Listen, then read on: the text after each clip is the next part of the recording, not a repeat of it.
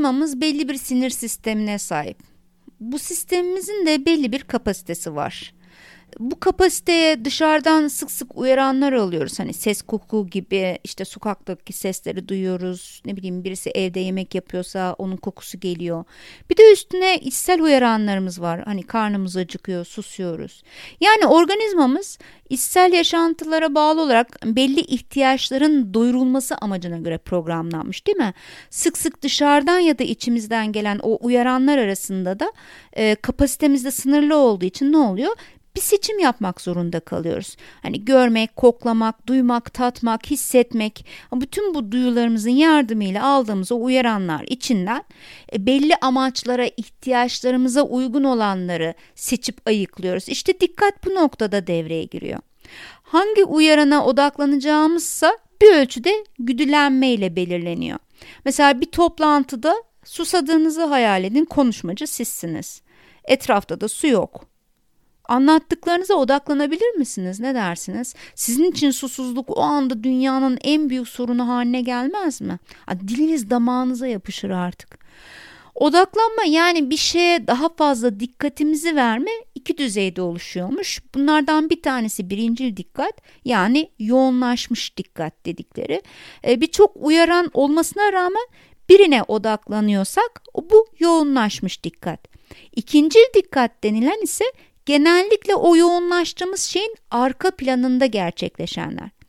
Ancak ikincil dikkat bazen bu yoğunlaştığımız birincil dikkatin sürecini bozabiliyormuş. Mesela şimdi siz beni dinlerken aynı zamanda etrafta neler olup bittiğini de görüyorsunuz öyle değil mi? İşte bu ikincil dikkat. Hani dikkatiniz aslında bende, beni dinliyorsunuz, bendesiniz ama etrafta olan biteni de bu arada görüyorsunuz.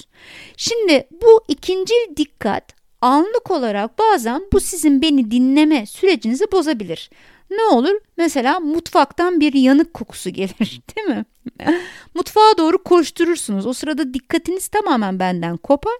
Dikkatinizin tekrar bana dönmesi belli ihtiyaçlar, belli güdülenme düzeyinizle ilgilidir. Konu ilginizi çektiyse, merak güdünüzü tatmin ediyorsanız o sırada, bir ihtiyacı karşılıyorsa beni dinlemek, o zaman dinlersiniz.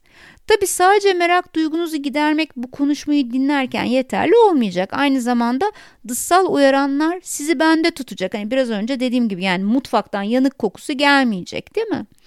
Ee, şimdi mesela evinizde yaşayan birinden aniden çığlık kopsa istemsizce oraya doğru koşacaksınız. Çünkü dikkat seçiminde tercihimiz genelde yardıma ihtiyacı olandan yana olur.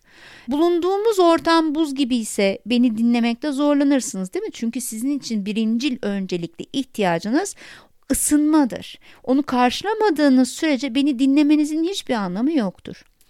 Uzmanlara göre dikkatin dört çeşidi varmış. Bunlardan bir tanesi odaklanmış dikkat belirli bir işitsel, dokunsal ya da işte görsel uyarıcıya verilen kısa vadeli tepkilerden bahsediyorlar. Bu kısa vade de bayağı kısa vade yani 8 saniye kadar falan. Örneğin çalan bir telefon, sokakta bağıran biri, bir korna sesi, bir ambulans sesi. Tam şey gibi oldu değil mi? İstanbul'u dinliyorum gözlerim kapalı. Anlık olarak ona odaklanıyoruz. Ama hemen yaptığımız işe geri dönüyoruz. Yani ambulans sesini duyduk geri döndük. Bazen de yaptığımız iş ile alakasız şeyler düşünmeye de başlayabiliyoruz. Nasıl oluyor? Mesela ambulans sesi duyduk, geri dönemiyoruz. Ne zaman geri dönemeyiz? Özellikle son zamanlarda ambulansla ilgili bir işiniz olduysa, bir hastaneyle ilgili işiniz olduysa ambulans sesini duyduğunuzda o anılarınız canlanacak. O yüzden yaptığınız işe geri dönmeniz çok daha uzun zaman alacaktır. E, bir diğer dikkat türüne de sürekli dikkat diyorlar. Yani gerçekleşmesi belli bir zaman alan devamlı ve tekrarlı bir işle ilgili dikkatten bahsediyoruz. Örneğin yemek yaparken böyle bir dikkat içerisindeyiz. Sürekli dikkat. Yağ kızdı mı? Soğanlar rengi döndü mü? Karardı mı? Değil mi? Bu iş bitene kadar dikkatimiz orada devam ediyor. Eğer odağımızı kaybedersek ne oluyor? Mesela soğanları yakıyoruz. İşi de yarıda bırakıp başka işle ilgilenebiliyoruz.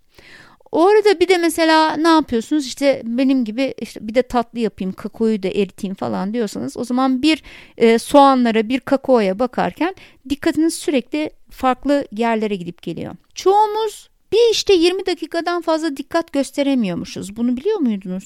Günlük yaşamın uyanık olarak geçen bölümünde o anda ve orada olup bitenleri algılayıp kavrama gücümüz sürekli değilmiş. Doğrudur. Dalgınlık ve düş kurma anları bizi zaman zaman o anki yaşantımızdan koparıyormuş. Bizler ancak uzun süreli dikkat gerektiren işlerde tekrar tekrar odaklanarak o işte kalabiliyormuşuz. Mesela böyle film seyredebiliyormuşuz. Enteresan geldi bana. Bir diğer dikkatte bölünmüş dikkat dedikleri aynı anda birçok şeyle uğraşmak. Aslında tam kendime hani burada benim diyeceğim noktadayım. Ee, buna sınırlı bir yetenek olarak bahsediyorlar. Şimdi kendimi övmek gibi oluyor ama hemen eleştireyim de bu tür dikkati gösterebilsek bile işlediğimiz bilgi miktarında değişiklik var arkadaşlar. Yani anladığım kadarıyla her iki işi birden yaparken çok da fazla verimli e, olmuyoruz ya da e, her ikisine aynı dikkati gösteremiyoruz ki bu çok doğal. Mesela araba kullanırken tweet attığımızı düşünebiliyor musunuz? Yaparız tabii yapmaya, yapmayız değil hatta aramızda yapanlarınız vardır. Güvenli bir sürüş olmayacaktır da attığımız tweetten de kimse bir şey anlamayacak da olabilir. Yani ikisinden birisi doğru olacak. Bir anda şu an bir aydınlanma geldi arkadaşlar. Ne dersiniz acaba? Bazı hesaplar sürekli araba kullanırken tweet atıyor olabilir mi? Yoksa bu kadar saçmalama gücünü nereden bulabilirler değil mi?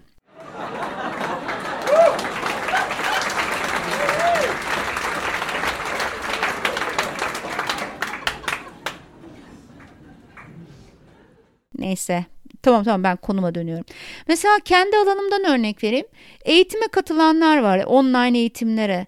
E, bu eğitimlerde bazen yani kulaklıkları var sizi dinliyorlar ama aynı zamanda e, bir maile cevap veriyorlar. Şimdi bu kişi sizce eğitimi dinliyor mu?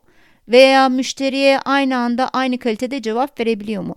Mutlaka birinden birinde sorun var. Değil mi? Her ikisini aynı anda yapması mümkün değil dikkatini verebilmesi. Bir diğer dikkat türü de seçici dikkatmiş. Yani diğerlerini filtrelerken belirli şeylere dikkatimizi veriyoruz. Örneğin gürültülü bir partideyiz. Etraftan başka işte uyaranlar var. Çok gürültü var. Buna rağmen birileriyle bir konuşmayı sürdürebiliriz değil mi? Bunu yapmışlığımız vardır. Hepimiz yaparız. Mesela filmlerde olur. Restoran böyle gürültülüdür. Kadın ve erkek konuşmaya başlar. Sesler giderek yavaşlar, yok olur. Sonra kadın masadan kalkar, erkeği terk eder falan böyle peçeteyi atar. Erkek kadının arkasından bakarken sesler tekrar yükselir. Bir kişi mesela hislerine fazla yüklendiğinde değişim körlüğü dediğimiz dikkatsizlik körlüğü denilen bir şey var. Bu körlük kişinin burnunun dibine giren şeyleri bile görmesini engelleyen bir şeymiş. Çevredeki onca uyaran arasından yalnız küçük bir uyaran kümesine odaklanmak. Yine filmlere döneceğim. Hani kalabalık gürültülü bir partide birden her şey donar. Tüm sesler, görüntüler donmuştur. Çünkü erkek kadını görmüştür.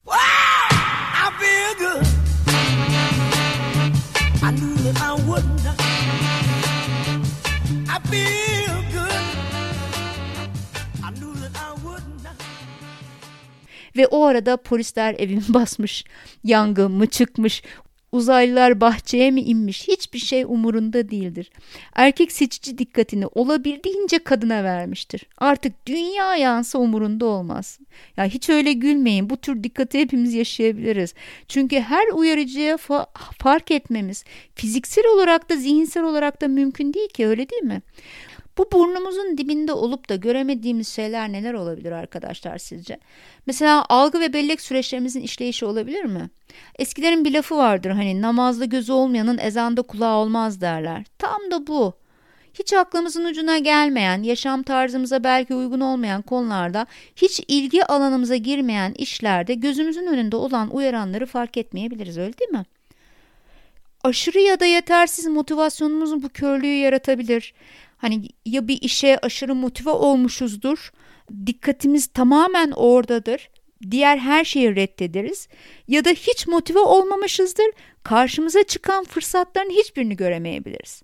Bazen de uygun bir ödül ve ceza sistemi yoktur. Dikkat etmeyiz o zaman. Her geçtiğimiz kırmızı ışıkta mesela ceza yesek ne olur artık kırmızı ne görsek durmaya başlarız öyle değil mi? Ya da geri bildirim yoksa dikkat etmeyiz öyle değil mi? Çocuklar böyle büyümez mi? Aman sobaya dokunma elin yanar. Çocuklar ona dikkat edin. Aman işte düşersin. Yani tabii siz otoriteye karşı gelmekten gurur duyan bir çocukluk geçirmişseniz sobaya yapışmışsınızdır. Sobada sizi yakarak gerekli uyarıyı vermiştir zaten. Öyle ya da böyle yapılmaması gereken şeyler konusunda ya sözde ya da kal, kaldığınız o zorlu durumlarla geri bildirim almışsınızdır öyle değil mi?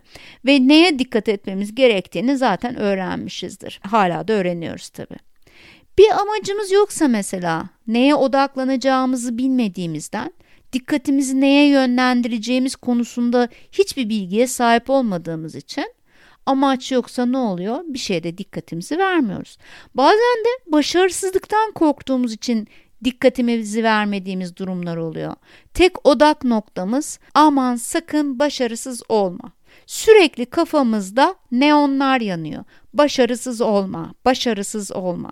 E bu da zaten daha önceki yayınlarımda da anlattığım gibi sakın kırmızı kamyonu düşünme vardı yani onun gibi bir şey oluyor. Beyni olumsuzluk eklerini pek sevmediğinden direkt ilk düşündüğü kırmızı kamyon oluyor. Yani aynı şekilde başarısızlığı düşünüyor. Ona odaklanıyorsunuz. Bazen de otokratik ve buyurgan davrananlar mesela dikkatimizi dağıtıyor olabilir.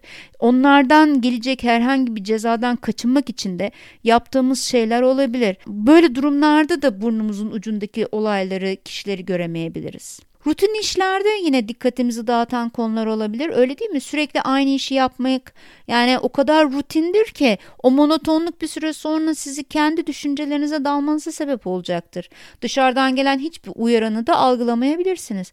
Bu konuda Charlie Chaplin'in bir filmi vardır bilirsiniz Modern Zamanlar diye. Orada bir üretim bandında sürekli aynı işi yapar Charlie Chaplin. Bir süre sonra o kadar otomatikleşir ki bir anda kendini makinenin dişlileri içinde bulunur. Modern zamanları özellikle endüstri örgüt psikolojisi ve bu tür konulara ilgi duyanlara tavsiye ediyorum. Mutlaka seyredin derim. Bugün biraz dikkati masaya yatırmak istedim aslında. Baktım konu uzayacak arkadaşlar. Ee, uzun podcastleri de sevmediğim için size e, ve bana da zulüm olmasın diye burada keseceğim. Burası biraz daha hani dikkatle ilgili kavramlar nedir? Hangi konularda ne zaman ne tür dikkat gösteriyoruz ya da göstermiyoruz onu anlattığım bir yayın. Bir sonraki yayınımda dikkati biraz daha detaylı ele alacağız. O zaman görüşmek üzere. Hoşçakalın.